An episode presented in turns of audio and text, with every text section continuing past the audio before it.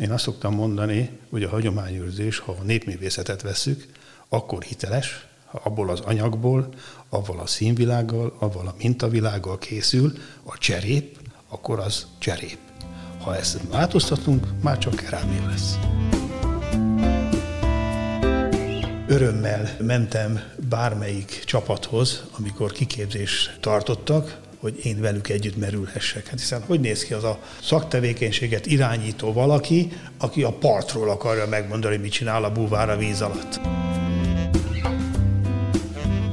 1900-as évek elején lett ez a laktanya megépítve. Parancsnoki épület homlokzatán egy város címer lett elhelyezve, szép, barokkos, virágos környezetbe, ami száz éve ott állt az épület homlokzatán. Sajnos kisé sérülten és elhomályosulva. Mi úgy döntöttük, hogy a századik évfordulója ezt a címert megújítjuk, és régi fényében visszahelyezzük a homlokzatra. Katonai pályafutás szárazföldön és vízben, hagyományápolás, szervező munka. Címszavakban talán így foglalhatnánk össze az ÖKK Podcast következő vendégének eddigi munkásságát.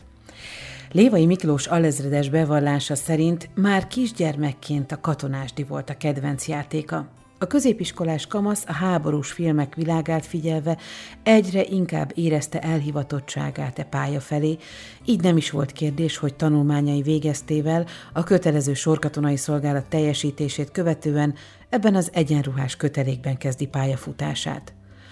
A harckocsizókat követően a műszaki dandárnál teljesített szolgálatot, majd a folyamatos képzéseknek köszönhetően Székesfehérváron búvárként szolgált néhány héttel ezelőttig, amikor is hivatalosan nyugállományba vonult az alezredes. Mint mondja, naptárt kell vezetnie a ráváró feladatokról, hiszen mióta nyugdíjas, bizony be van táblázva minden hete. A Honvédelem napján, május 21-én Lévai Miklóssal annak kapcsán ültünk le beszélgetni, hogy lassan egy éve, hogy megválasztották a Honvéd Hagyományőrző Egyesület elnökének. Az 1990-ben alakult egyesület vezetése nem ismeretlen számára, hiszen hosszú évek óta állt a megyei területi szervezet élén, és ezen kívül az országos katonabúvár találkozók mozgatórugója is ő. Tisztelettel köszöntöm a hallgatókat, és köszöntöm Lévai Miklós alezredest, nyugállományú alezredes urat. Köszönöm, hogy elfogadta a meghívást hogyan került kapcsolatba, hogyan találkozott a Honvéd Hagyományőrző Egyesület munkájával? Engem komendáltak ide, ugyanis én katonabúvárként fejeztem be a pályafutásomat a Magyar Honvédségbe. Katonabúvárként ön itt szolgált Székesfehérváron végig? Igen, katonabúvárok azok a Magyar Honvédség különleges alakulatánál szolgáltak, és a szakmai irányítása volt itt Fehérváron. Tehát egyetlen egy búvár volt, és természetesen mikor kiváltam én a aktív állományból, akkor is átvettem mása ezt az irányító, szervező tevékenységet. Tehát itt Fehérváron mindig csak egy búvár volt. Így is indult a pályafutása Miklósnak? Az, hogy katona, az túlzás azt mondom, hogy születésem óta, de eszmélő gyerekkorom óta ugye mindig katonásdét játszottunk illetve nagyon sok katonásdit, aztán a mindig az, az is elkövetkezett a, az én ö, tekintetembe. Nagyon, nagyon beleéltem magam abba a korban, amikor én kezdtem cseperedni, akkor nagyon sok háborús film ment a tévébe. Sőt, majd, hogy nem csak az ment. Ez az nyilvánvaló, hogy egy gyerekben azért elindít dolgokat, hát bennem az, azt indította el, hogy, hogy egyre jobban katonásdít akartam játszani, és, és katonák akartam válni. Kinőttem én ezt a gyerekes katonásdi dolgot, de mikor elkövetkezett az az idő, hogy sorozás, hogy tényleg katonának kell lenni, ha más nem sorkatonának, akkor, akkor megint ugye fölmerült a kérdés, és Mátyám, aki akkor ö, hivatásos katona volt, javasolta, hogy jelentkezzek tartalékos tiszti iskolára, mert mégiscsak könnyebb lesz az életem és a sorsom, mintha csak a két évet úgy leszolgálnám sorkatonaként. Megfogadtam a tanácsát, jelentkeztem, el is vittek Abasára a harckocsizónak. Hát a harckocsizó parancsnoki képzést kaptam, de már tudtam Ja, és Zalaegerszegen voltam egy ezred harckocsi zászlóaljánál csapatgyakorlaton, ahol aztán megé ráéreztem, hogy milyen katonának lenni, milyen parancsnoknak lenni, és egyre jobban tetszett ez a dolog. Természetesen ahhoz kellett az, hogy az a parancsnoki állomány, az a gárda, akikkel együtt szolgáltam, azok úgy vezessenek rá erre a pályára, hogy ők megtették. És mielőtt leszereltem volna a két éves katonai szolgálatomból, már beadtam a kérelmet, hogy hivatásos állományba kerüljek. Így aztán leszerelésem követően Szegedre a műszaki dandárhoz vonultam be, már hivatásosként. Igaz, hogy harckocsizó voltam, de olyan beosztást csak vásárhelyen kaptam volna, és én a katonai időm alatt megnősültem, eszembe nem volt nekem elhagyni Szegedet, meg hát a család is oda kötött. Aztán azt mondták, hogy ez is lánctalpon jár, az is lánctalpon jár, akkor jó leszel te műszakinak. Így aztán műszaki lettem, különböző képzéseken estem át, hogy valóban műszaki legyek, de leginkább ott a csapatnál tanultam meg a, a műszaki szakmát, annak is a szárazföldi részét, mert van annak vizes része is. Innet kerültem aztán akadémiára, akadémiáról visszakerültem Szegedre, ugyanaz az ászlajnak az élére, ahonnan beiskolázásra kerültem az akadémiára.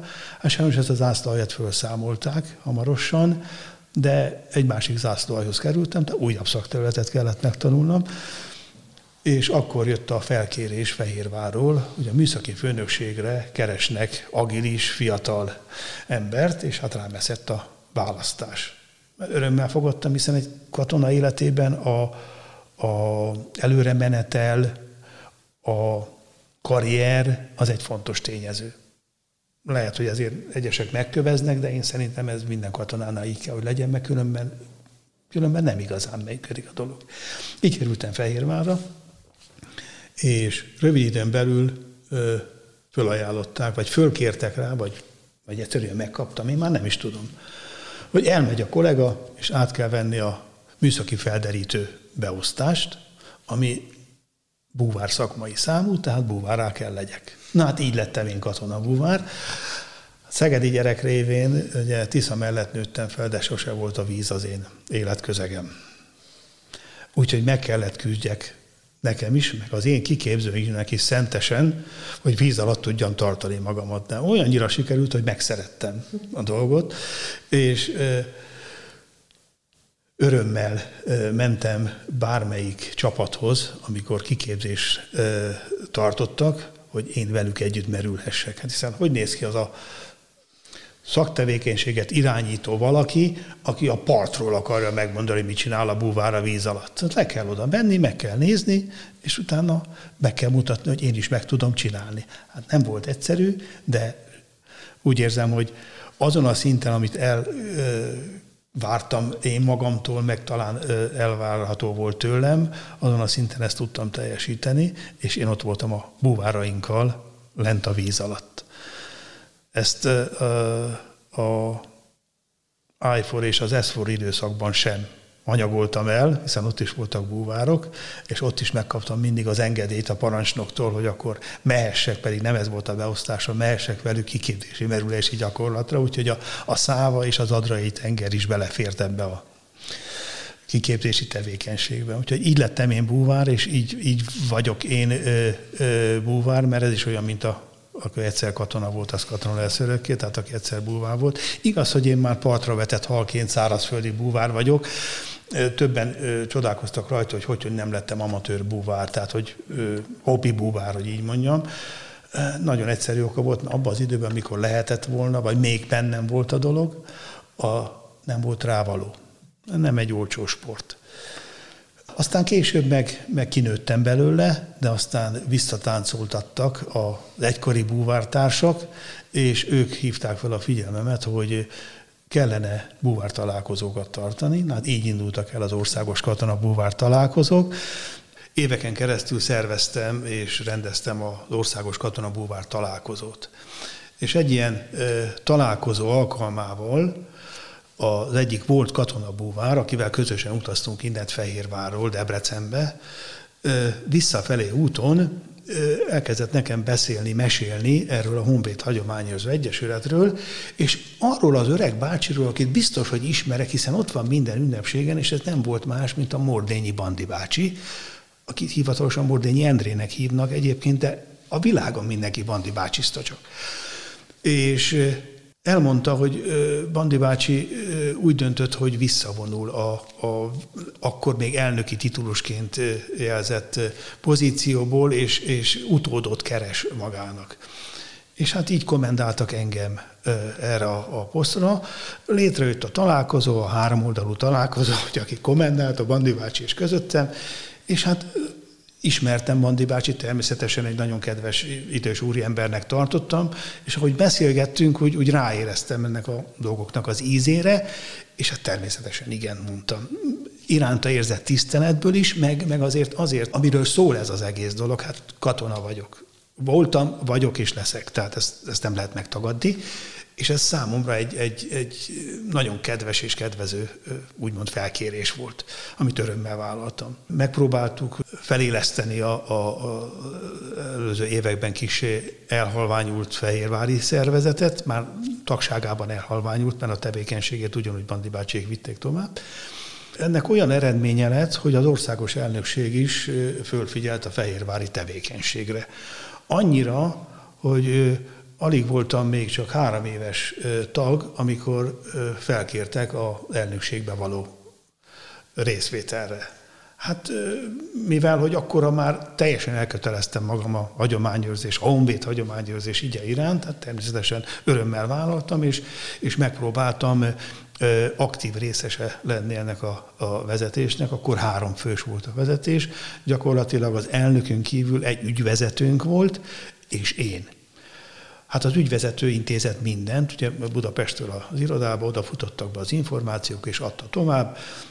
Voltak természetesen segítői, akik, akik hasonló korúak voltak, sajnos ők is eléggé idősek már, akik különböző részterületeket műveltek. Nekem a, az operatív dolog jutott, hogy ötleteljek igazából, meg, meg megpróbáljak eljutni olyan helyekre, ahova már, ők már nem kívántak útra kelni. És annyira bedolgoztam magam ebbe a dologba, hogy az lett a nóta vége, hogy így mondjam, hogy hát sajnos szomorú előzményei vannak, mert akikről az előbb beszéltem, a, a ügyvezetőként tevékenykedő dr. Gál Attila ezredes, az ő segítői közül a korábbi titkára, a Bőte Tamás úr sorban itt hagytak bennünket, és gyakorlatilag az Egyesület működése került veszélybe. Erre még ugye tetézett a 19-es év, amikor elnök úrunk is beteg lett, és nem tudott a, a Egyesület érdekébe tevékenykedni, és akkor kellett nekem úgymond kényszerpályán átvenni a, a, a Egyesület vezetésének egy, egy bizonyos szegmensét, hogy, hogy életben tudjunk maradni. Vagy felszínen tudjunk maradni, inkább így mondom és ennek az eredménye lett aztán, hogy az elnök úr felépülése után fölkért a, az elnökségre. Nagyon sok rétű a munka, de azt hiszem, hogy minden egyesület hasonló feladatokkal van megáldva, és küzd vele keményen. Van, ahol van apparátus is van erre, valahol egy vagy két személyes apparátus van rá. Hát igazából itt nálunk az a rend alakult ki, hogy mi vagy Fehérvári vagyok, és Pesten volt a központi iroda, hát szépen leköltöztünk Fehérvárra. Itt rendeztük be az irodát, és innet próbálom egyszemélyes ügyvezetőként ö, irányítani a dolgokat, úgyhogy a, az elnökség többi tagjával online telefon és e-mail kapcsolatokkal próbáljuk a közös döntéseket meghozni. Ezt ugye a mai korban ez a pandémia helyzet, ez, ez, ez az online teret, ez teljesen mindennapivá tette, de nekünk már a, muszáj volt ezt fölvennünk, hiszen a távolságokat nem lehet áthidalni, és örülünk, hogyha negyed évente össze tudunk ülni, és személyesen is meg tudjuk beszélni a, a feladatokat, teendőket. Úgyhogy mi így működünk, így tevékenykedünk.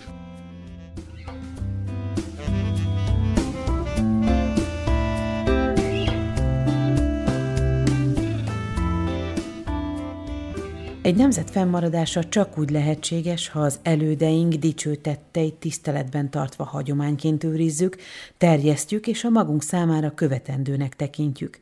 Kéri Kálmán a Honvéd Hagyományőrző Egyesület alapítójának gondolatai ezek. Az Egyesület történetéről mit kell tudnunk? Egyesületünk 1990-ben alakult meg Kéri Kálmán hívószavára, az akkori Magyar Királyi Honvédség még élő tisztjei, altisztjei hozták létre, és zömében ők is alkották a tagságot. Jelen nap közel 2700 fő van bejegyzezve a 30 éves tagnyilvántartásba. Sajnos ebből közel 220-230 fő az aktív tagunk.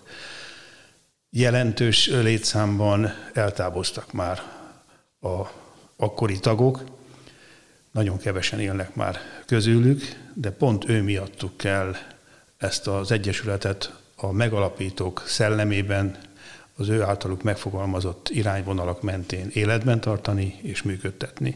Ez a mi feladatunk. Természetesen úgy, hogy a 21. században megfeleljünk a egyre népszerűbbé váló, és ezt most jó értelemben mondom népszerűbbé váló hagyományőrzés tekintetében azoknak a, az elvárásoknak, amit, amit társadalmi szinten jelentkezik a hagyományőrzéssel kapcsolatosan.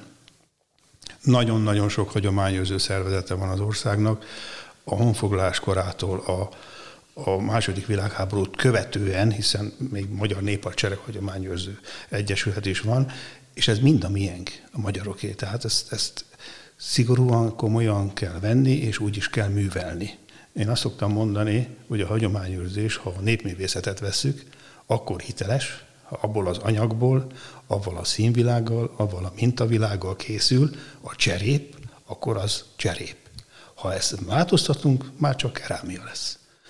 Hát így vélem én a hagyományőrzésnek a hitelességét.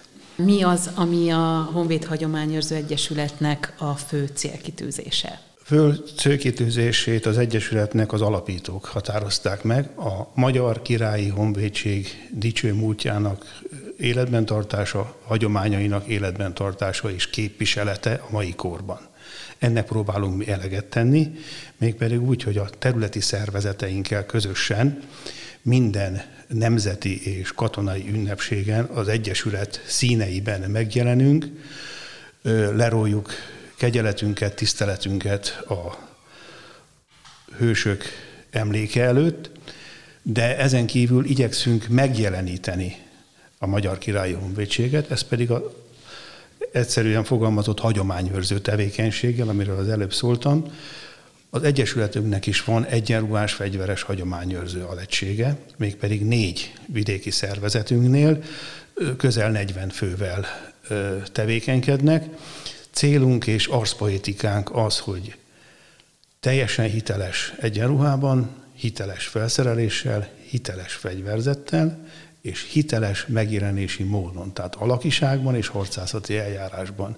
Nem egy egyszerű dolog, nem is mindenki ért vele egyet, hogy ennyire szigorúan kell ezt venni, de mi így döntöttünk, és, és ebben látjuk a Magyar Királyi Honvédség valamikori szellemiségének 21. században való megjelenítését.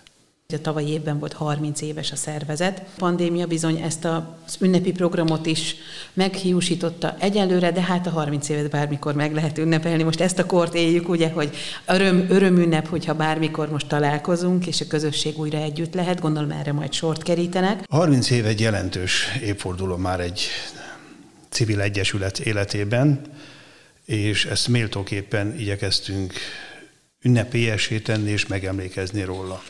November 17-ére volt meghirdetve a jubileumi közgyűlésünk, ami sajnos a november első napjában bejelentett szigorító rendszabályok meghiúsítottak.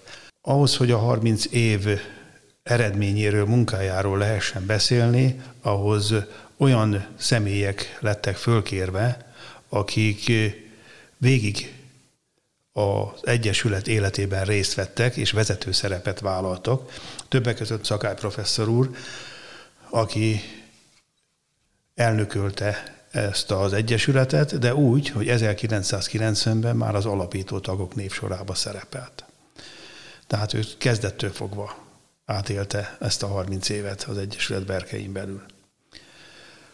Nem tudtuk valóban megtartani a rendezvényt, de nem feledkezünk meg a 30 évről, és azokról sem, akik a 30 év kapcsán elismerésben kívántuk részesíteni. Visszaúrok egy picit. A 30 év alatt számtalan, legalábbis nagyon sok állami és kormányzati elismerésben részesültek az Egyesület tagjai a hagyományőrző tevékenységük révén, és ezt most is kívántuk a 30. évforduló alkalmával, úgyhogy közel 10 fő kapott honvédelmi miniszteri valamilyen szintű elismerést, és az Egyesületünk idős tagjai megkapták a 30 éves jubileumi arany emlékérmet, a kevésbé idősek az ezüstöt, és a fiatalabbak a bronz emlékérmet. Ebben próbáltunk egy új vonalat fölállítani az Egyesület érdemi elismerése terén, hogy arany, ezüst és bronz fokozatokat hoztunk létre. Mivel, hogy nem tudtuk a rendezvényünket megtartani, nem zárhatjuk ki sem a tagságot, sem a érdemeik alapján elismerésben részesülteket, hogy megkapják ezt megfelelő ünnepi keretek között, ezért arra a döntésre jutott az elnökség, hogy amint felszabadul a járványhajzat szigorítása alól az ország, minden területi szervezetnél taggyűlést hívnak össze, aminek megpróbálunk ünnepélyes formát és keretet adni, természetesen úgy, hogy és nem attól lesz ünnepélyes, hogy én megjelenek ott, de természetesen személy szerint kívánom átadni mindenkinek az elismeréseket, és utána egy baráti, bajtási beszélgetéssel, egy ebéddel vagy egy vacsorával, fehér asztal mellett együtt eltölteni néhány órát, hogy a egyéves bezártság, az egymástól való elszakítottság, a, a szigorú szabályok között megtartott megemlékezések, ahol csak néhány fő helyezhette el a koszorút, ezt most valahogy feloldjuk. Kárpótolni már nem lehet ugyan, mert ami elmúlt, az elmúlt, de újra lendületet vegyen a Honvéd Hagyományőrző Egyesület, és újra a tagság magáinak érezze ezt az egyesületet, és azt az eszmét, amit neki képviselnie kell.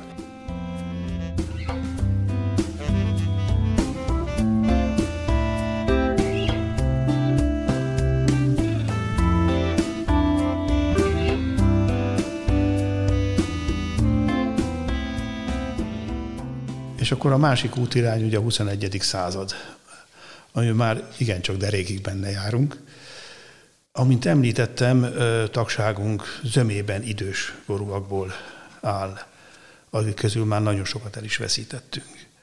Ezért szerintem nem csak nekünk, hanem minden civil szervezetnek fő feladata a fiatalság megszólítása és tagjai sorába hívása. Természetesen, mint honvéd hagyományőrzőknek van egy nagyon magasztos feladatunk, nem csak nekünk, minden ö, ilyen katonai hagyományőrzőnek, az ifjúság hazafias nevelése. Ezt a két dolgot összekapcsolva próbálunk mi ö, fiatalok felé fordulni, megmutatni magunkat, és magunk közé hívni őket. Ezért terveztük el a Magyar Honvédség 170 éves évfordulójára, hogy egy megyei szintű betélkedőt hirdetünk meg, ami nem csak a mi megítélésünk, hanem, hanem a résztvevők és a, a zsűri megítélése szerint is egy jó sikerült színvonalas vetélkedő lett, és ekkor láttuk, hogy igenis érdekli a fiatalokat a történelem, a hat történet, és azon belül is ugye a magyarság története. Úgyhogy következő évben meg is rendeztük az első hat történeti hagyományőrző táborunkat. Nem kis feladatot vállaltunk fel, 1100 év hat történetét próbáltuk öt nap alatt bemutatni, és részesévé tenni a fiatalokat. A megyében és a városban működő korokat megjelenítő hagyományőrző szervezeteket kértünk fel, és valóban kézzel foghatóan lehetett minden történelmi kort megtapasztalni a fiataloknak, úgyhogy az utolsó napon a mai Magyar Honvédség is színre lépett, úgyhogy teljes volt a repertoár. Következő évben már láttuk, hogy ez túl nagy feladat, ezért egyszerűsítettünk, és Fehérvár katona város címmel rendeztük meg a táborunkat, és Fehérvár ezer éves történetét próbáltuk felölelni, hasonló képpen segítségül hívva a, hagyományőrzőket, és élve abban a lehetőséggel, amit a városhoz közeli helyszínek adnak, mint például a Csókakövi vár, ahol igazából ugye a végvári és a törökkori időkről lehetett szemléletesen bemutatni ezt a kort. Idén harmadik alkalommal futunk neki ennek a feladatnak, már visszatérő törstagokkal, és ebben az évben egy sajátos megoldást választottunk, és erre a átélt egyéves szigorú rendszabályok mellett átélt egy évre utalva úgy döntöttünk, hogy a fiatalokat, akiket meghívunk a táborba, azokat most kiszabadítjuk ebből a bezártságból, és minden nap valamelyik más helyszínre utaztatjuk őket. A középkortól egészen a második világháború koráig, és mindenhol bemutatókkal, tárlatvezetésekkel, interaktív foglalkozásokkal próbáljuk őket szabaddá tenni, felszabadítani az elmúlt év bezártsága és online oktatása után. Úgyhogy remélhetőleg ebben az évben is a szokásos 20-25 fő közötti létszámunk meg lesz, és már most, ha hallják a szülők és a gyerekek, már most hívom őket, mert ilyen program még nem volt. Minden nap megyünk, minden nap új élményeket kapnak, és nagyon bízunk benne, hogy nem csak a elmúlt években visszatérők, hanem az új tagok közül is lesznek majd még visszatérőink. Melyik az a korosztály, akinek a részvételére számítanak? Igen, ez, ez megint visszatekintést igényel. Az első táborunkat úgy hirdettük meg, hogy 8-18 éves korig. Nem volt egyszerű, hiszen óriási korkülönbségek miatt egész más volt az érdeklődés, és más volt a fogékonysága is természetesen a, a részvevőknek. A második táborban már szűkítettünk, és általános iskolás gyerekekre, tehát csak 15 éves, 14 éves korig volt a toborzó felhívás. Ez már könnyebb volt, de még itt is a két korosztály, a úgymond alsó tagozatosok és a felsősök, akik már tanulnak történelmet, azért jelentkezett a probléma. Ebben az évben csak a felső tagozatosokat hívjuk, tehát az ötödik osztályt végzetteket és a nyolcadik osztályt végzetteket próbáljuk, köztük lévő korosztályt próbáljuk megcélozni, éppen azért, mert az ő előképzettségük, tananyagismeretük, az, az lehetővé teszi azt, hogy valós hadtörténeti, történeti előadásokat, bemutatókat halljanak. Most az előadások alatt én a tárlatvezetést értem, tehát a klasszikus, tipikus előadás, hogy leültetni a gyereket és mesélni, vagy mondani, vagy magyarázni neki, ezt nem akarjuk csinálni, mert ez az, az iskolának a feladata. Mi élményt szeretnénk adni a gyerekeknek. Gyerekek természetesen gyerekként viselkednek. Mindent kézbe akarnak venni, mindent ki akarnak próbálni, de ez így természetes. És mi ezt meg is próbáljuk nekik megadni, és szerencsére a, ezek a hagyományőrző szervezetek, illetve remélhetőleg ebben az évben a, azok a szervezetek, akik fogadnak majd bennünket, mivel föl vannak rá készülve, vagy tematikus programokat adnak a gyerekeknek, így valóban élményszerűvé teszik a dolgot, és kipróbálhatják egy vitézi tíz próbát például.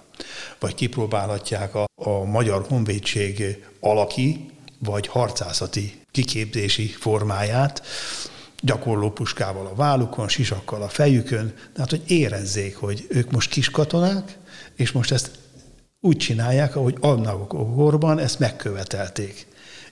És talán ebben bízhatunk, hogy lesz a jövő nemzedékeknek is hagyományőrzése, és nem fog elsikkadni vagy elhalni a hagyományőrző tevékenység ebben az országban, ami jelenkorban nagyon-nagyon népszerű és nagyon, és nagyon fontos.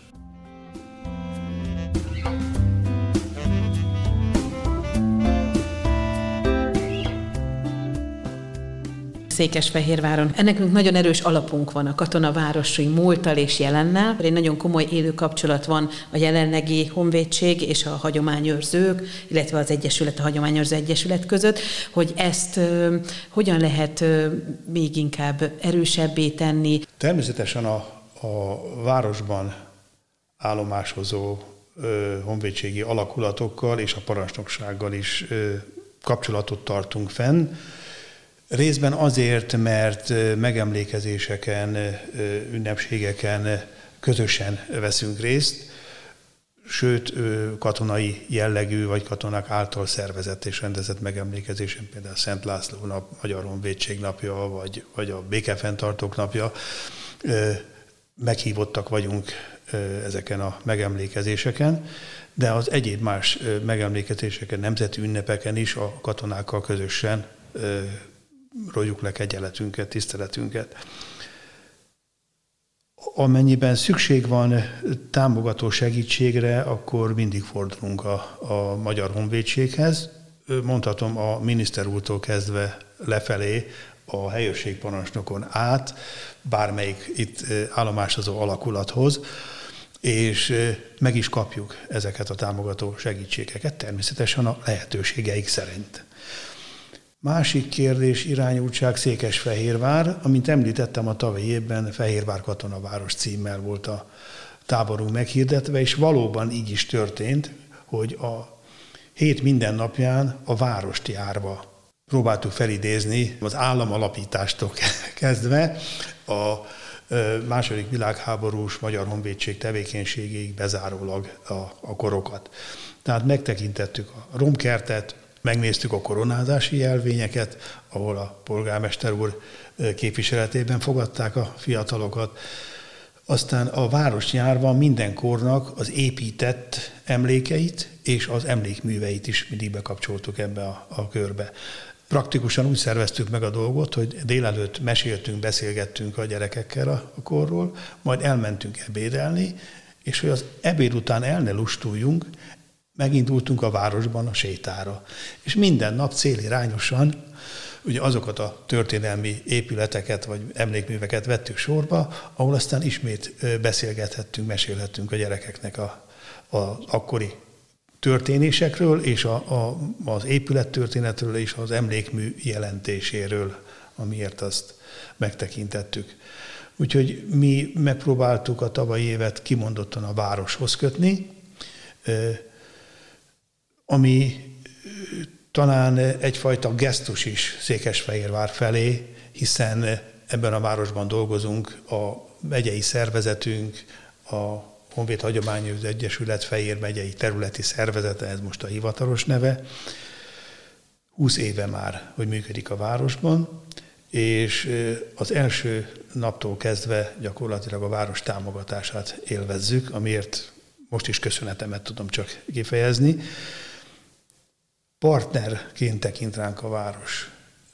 Nem csak abban, hogy rendezvényeire, megemlékezésére meghív, hanem 2019-ben fordultunk polgármester úrhoz avval a kéréssel, hogy a város házi ezredét, a Magyar Honvédség Szent István harmadik honvéd gyalogezredének ezrednapját városi ünnepségként emlékezzünk meg az ezredről. A polgármester úr ezt fölvállalta, és azóta minden augusztus 15-én városi ünnepség keretében emlékezünk meg a város második világháborús házi ezredéről, amelyről, ha szabadna, most kitérnék egy kicsit. 1920-ban a trianoni békediktátum ugye megszüntette a korábbi hadrendszert is itt Magyarországon, úgyhogy a, a, a közös haderő és a Magyar Királyi Honvédség alakulatai is gyakorlatilag megszűntek, de rögtön fel is állt egy új szervezet, aminek eredményeként a város két nagy alakulata, a 69-es közös gyalogezred és a 17-es magyar királyi gyalogezred egy új szervezetté alakult, és 1920-ban Székesvárvi gyalogezred néven megalakult az új kötelék, aminek ugye tavaly volt a száz éves évfordulója. Hát ugye szó volt már a pandémia helyzetről, hát ezt is keresztbe húzta ez a helyzet, így a, a száz éves évfordulóról nem tudtunk illő módon, vagy terveink szerint illő módon megemlékezni, ezért erre az évre tolódik át ez a száz éves megemlékezés, és arra is volt már itt az előbb utalás, hogy a budai úti laktanya, hiszen ez volt a 69-eseknek, majd későbbiekben a harmadik gyalogezrednek is a, a laktanyája. Most a Láncos Kornél Gimnázium és a Corvinus Egyetem ö, lakik a, az épületeikben, és a Láncos Kornél Gimnázium volt ezredparancsnoki épülete. 1993-ban emléktáblát állítottak az akkor ezred élő, még élő tagjai, és ez a mi városi emlékhelyünk. Természetesen ennek az ezrednek van egy saját hagyományőrző szervezete is, illő dolog megemlékezni és megnevezni őket. Ők pedig a Magyar Királyi Szent István harmadik honvéd gyalogezred hagyományőrző egyesülete, akik nem csak a nevében viselik ezt az ezredet, hanem méltó módon igyekeznek is megemlékezni róla. Velük fúzióban történik ez a minden éves megemlékezés kölcsönös közös együttműködéssel. Amiben természetesen a, a városon kívül a Magyar Honvédség is részese, hiszen a katonazenekar és a, a honvédség képviselői is jelen vannak. De visszatérve a történetre, tehát a száz éves megemlékezésre mi készültünk egy olyan dologgal, ami visszautal ennek a laktanyának a eredetére. Mégpedig az 1900-as évek elején lett ez a laktanya megépítve, és akkor a parancsnoki épület homlokzatán egy város címer lett elhelyezve, szép, barokkos, virágos környezetbe, ami száz éve ott állt az épület homlokzatán sajnos kisé sérülten és elhomályosulva. Mi úgy döntöttük, hogy a századik évfordulója ezt a címert megújítjuk, és régi fényében visszahelyezzük a homlokzatra. Hát ez már az ezred életének 101. évében fog bekövetkezni, és a felújított címert augusztus 15-én kívánjuk majd úgymond leleplezni, de úgy, hogy az eredeti címert, amit restaurátor helyreállított, az iskola belső terében az iskola igazgatással közös megegyezés alapján kerül elhelyezésre, hogy ez is megmaradjon az utókornak. Valóban nagyon-nagyon sok tárgyi emlék van, amit összegyűjtöttek a hagyományőrzők. Ha nem említek más, csak a helytörténeti gyűjteményt, ami a, a volt helyőrségi művelődés otthonban, vagy korábbi nevén Tiszti Klubban ugye megtekintető, a Székesfehérvár helyőrségének teljes történetét öleli át, és nagyon jól bemutatja azokat a történelmi korokat, és azokat a hat történeti eseményeket, amelyekben a városnak része volt. Hát itt azért meg kell említeni, ha már Székesfehérvár, akkor csak egy ugrás pákozd, és azt hiszem, hogy, hogy nekünk az egy nagyon fontos szinterünk minden magyar hagyományőrzőnek, hiszen ott lehet a Magyar Honvédség születésnapjára igazán emlékezni. A tárgyi emlékekre visszatérve, utalnék arra is, hogy az előbb az elején elmondtam, hogy igyekszünk hiteles egyenruhába, hiteles felszerelése, hiteles fegyverzettel megjeleníteni a Magyar Királyi Honvédséget. Gyakorlatilag ezeknek a zöme eredeti, mind ruházatban, mind felszerelésben. Fegyverben is van kevés, de azok ugye hatósági eljárás alá vont fegyverek, azok inkább a úgynevezett replikák, de tökéletesen megegyeznek az eredetivel. Aztán vannak olyan gyűjtők, akik gyakorlatilag minden föllelhető tárgyat megpróbálnak megszerezni, mert erre tették fel az életüket. Hát vannak ilyen bogarás emberek, igen. Nekünk is van részünk egy ilyen gyűjteményben, mégpedig az egyik taktársunk, Isztiméren, gyerekkorától kezdve gyűjti a magyar honvédséghez kapcsolódó, vagy a magyar hadtörténethez kapcsolódó relikviákat, alapvetően az első és a második világháború dolgait, de nem beti meg máskornak a, a történeti emlékeit sem, de ebből a két kor anyagából jelentős gyűjteménnyel rendelkezett, és ő saját költségére, saját elhatározásból egy emlékgyűjteményt, egy látogatható nyilvános emlékgyűjteményt hozott létre, aminek természetesen, mint említettem, hogy taktársunkról van szó, mi szakmai segítséget adtunk. A mi alatt természetesen egy személynek az igazi nagy segítsége, hiszen van nekünk egy saját múzeológus történészünk is, Bő Martin személyében, aki nem ismeretlen a városban, hasonló területen dolgozók és forgolódók körében. Az ő nagy szakmai hozzáértésével sikerült egy olyan kiállítást összehoznunk, amely az első világháborút, a Triannont és a második világháborúnak a magyar királyi honvédség, illetve a magyar hadtörténeti emlékeit mutatja be ebbe a magángyűjteménybe. A beszélgetésünk során eddig előre és hátra haladtunk a képzeletbeli idővonalon, barangoltunk az Egyesület három évtizedes történetében, majd előreugrottunk az időben, és a jövőt terveztük, a nyári táborok, a fiatalok, a további egyesületi programok kapcsán. Jártunk azonban a több mint száz éve épült Budai úti laktanya épületénél is, és felidéztük, hogy hogyan is zajlik majd az augusztusi ünnepség. Most azonban a beszélgetés végén arra kérem, hogy ismét térjünk vissza a gyalogezred katonáihoz egy megemlékezéssel. Februárban érkezett a szomorú hír, hogy az utolsó hős Vités Mohai Ferenc tartalékos főhadnagy, a Székesfehérvári Magyar Királyi Szent István harmadik honvéd gyalogezred katonája, a Donkanyar veteránja örökre nyugovóra tért. Ahogy belecsöppentem itt a Honvéd hagyományőrzésbe gyakorlatilag akkor ismertem meg Smohai Feri bácsit, akiről beszéltünk. Feri bácsi ö, akkor a korábban említett Mordenyi Bandi bácsival közösen é, ö, hosszú éveken keresztül ö, megjelent mindenféle rendezvényen, és, és ők voltak a Fehér megyei szervezet két nagy veteránja, akik ugye második világháborús tapasztalatokkal is rendelkeztek, Feri bácsi, mint frontharcos, Bandi bácsi, mint hadapród növendéként hadifogságba esett és hadifogságot végigélt személy. És hát nekem ezt a, a feladatot kellett átvenni Bandi bácsitól, hogy ezt tovább vigyem.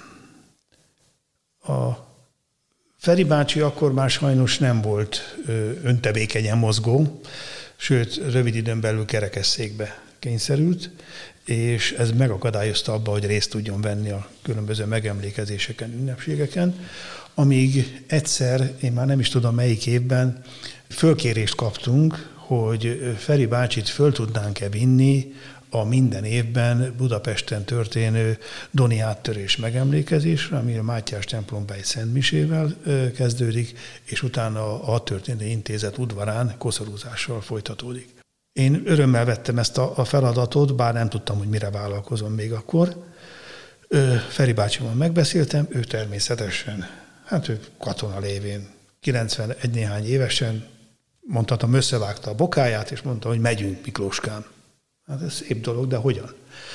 Akkor fordultam segítségért a honvédség parancsnoksághoz, és unnat is megkaptunk minden támogatást, gépkocsit, gépkocsi vezetőt, kísérőt, sőt, előre bejártuk az útvonalat előző héten, minden feltételt megpróbáltunk egyeztetni, tisztázni. A családhoz fordultam természetesen, mert hiszen egy idős embert egy, egy napos programra kimozdítani megszokott környezetéből, nem egy ö, egyszerű dolog, és, és nem is, ö, tehát óriási felelősség. A család részéről szerencsém volt, mert az első pillanattól kezdve megkaptam a, a támogatást, bizalmukat élveztem. Igaz, hogy az első alkalommal még fia és unokája ö, kísérte Feri bácsit erre a januári megemlékezésre, de az ezt következő években már teljes bizalommal rám bízták Feri bácsit, és mi ketten jártuk az országot. Olyannyira összeszoktunk, hogy eleinte a gondozónők segítettek Feri bácsi öltöztetésében ebben abban, hogy az utóbbi években ez már mind kettőnkre maradt, és nem kértem hozzá segítséget. Nagyon jól megvoltunk. Jártunk sokfelé, és nagyon sok rendezvényen itt a városban is, és Feri bácsi, én megmondom őszintén, irigy is voltam rá. Hát ő volt a legnépszerűbb. És az utóbbi egy-két évet leszámolva, amikor ez a pandémia helyzet elszakított bennünket egymástól, ő minden olyan rendezvényen, eseményen megjelent, ami számára fontos volt. Aztán sajnos az, utóbbi egy év, hogy nem volt látogatható az egészségügyi védőrendszabályok miatt, hát sajnos nem csak őt, gondolom az összes idős bentlakót megviselte, és Feri bácsinak sajnos az élet erejét ez felőrülte. Úgyhogy ezért februárjában eltávozott. Igyekeztünk, és itt is a, a Magyar Honvédség és a család felé is tartozom köszönettel, hogy mindenféle támogatást megadtak ahhoz, hogy egy Doni hősként búcsúzhassunk el Feri bácsitól, és hagyományőrző tiszteletadással az ő korát megelevenítő katonákkal, csapatzászlókkal vettünk búcsút Feri bácsitól. Mi az, amit, amit Feri bácsitól kapott? Mi az, amit ezektől az utazásoktól, ezekből a beszélgetésekből, ezekből a visszaemlékezésekből kapott? Igen. Egy hihetetlenül nagy és erős akarat. Többen megkérdezték, hogy hogy lehet az, hogy ennyi mindent túlélt, átélt, és még mindig. Mondom, talán pont azért, mert átélte. Ő gyakran mondta nekem viccesen, mikor kérdeztem, hogy Feri bácsi nem fázol. Mikloskám, hát a mínusz 40 fokot kibírtam, ezt már csak kibírom. És ezt komolyan gondolta. Persze igyekeztünk, hogy véletlenül se fázom meg, de, de ő, ő benne valami hatalmas nagy életerő élni akarás volt. Soha nem beszélt arról, hogy őt hogy vagy miként viselte meg a, a dolog. Az, hogy hogy élte át, vagy mint élte át, azt, azt igen, azt tudjuk, azt nagyon sokszor elmesélte, hiszen nagyon sok vendég fogadásánál jelen voltam, aki fölkereste őt, és a történeteket nem egyszer hallottam. És emlékszem, mindig megmosolyogtam, mikor bosszankodott, hogy nem jutott eszébe valami. Ugyanis ő helyiségnevet, személynevet, dátumot, eseményt pontosan tudott idézni és ha valami nem jutott az eszébe, akkor nagyon bosszankodott, hogy nem tudom kimondani, nem tudom kimondani. Nem baj, Feri bácsi, a következőnél úgyis tudja. nem okoz problémát. Tehát ő még 90 sok évesen is mesélte a történetet, és pontosan ugyanazt, amit én legelőször hallottam róla, illetve amit, amit írásban is meg lehet találni. Két füzetecskéje van, egyik a katona története, másik a hadifogság története és ebből gyakorlatilag a, nem csak az ő története, annak a kornak a története is kiolvasható, és szerintem egy nagyon-nagyon átfogó, megrázó, de, de nagyon sok támpontot adó írás ez, ami, ami erre korra vonatkozik fiatalok ö, hazaszeretetre való nevelése talán valahol ezeknél a történeteknél kezdődik. Ezeknek a történeteknek az átadásánál. Én azt gondolom, hogy talán ebből lehet a legtöbbet merítkezni. Hát nem tudom, hogy a mai fiatalok ö, mennyire fogékonyak ezekben a témákban. Mint ahogy említettem, a táborunkban vannak már visszatérők.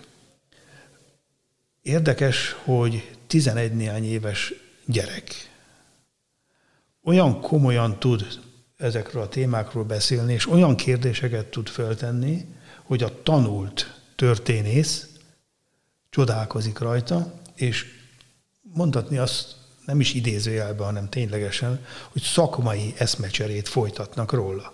Tehát vannak olyanok, akik nagyon fogékonyak erre a dologra. Vannak biztos többen, akiket lehet lelkesíteni, és talán ezért kell ez a kézzel fogható történelem, mert ugye amit kézbe foghat, kipróbálhat, megmászhat, a, megkóstolhat, hogy így mondjam, az, az nyomot hagy benne hogy fölkeltsék bennük az érdeklődést, a vágyat, hogy ő akar ilyet csinálni, ő azt meg akarja ismerni neki, ő akarja, hogy neki legyen egy olyanja, és de csak olyan, akkor lehet egy olyanja, hogyha ő is avval foglalkozik. Tehát valahogy beindítani a, a folyamatot. Nem úgy gondolom, hogy akkor minden ö, bizonyos korosztályú fiatalnak ez iránt kell érdeklődni, szó sincs róla.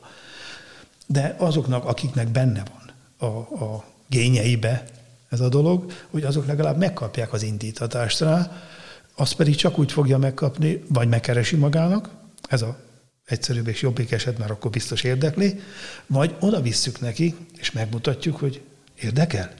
Érdekel. Tessék, itt van, csinált.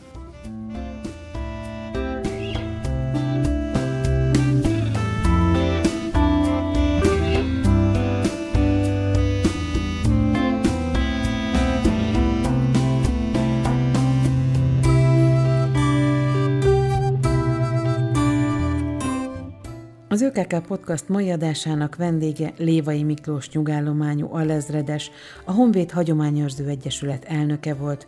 A mikrofonnál Csordás Csillát hallották. Köszönjük figyelmüket! thank you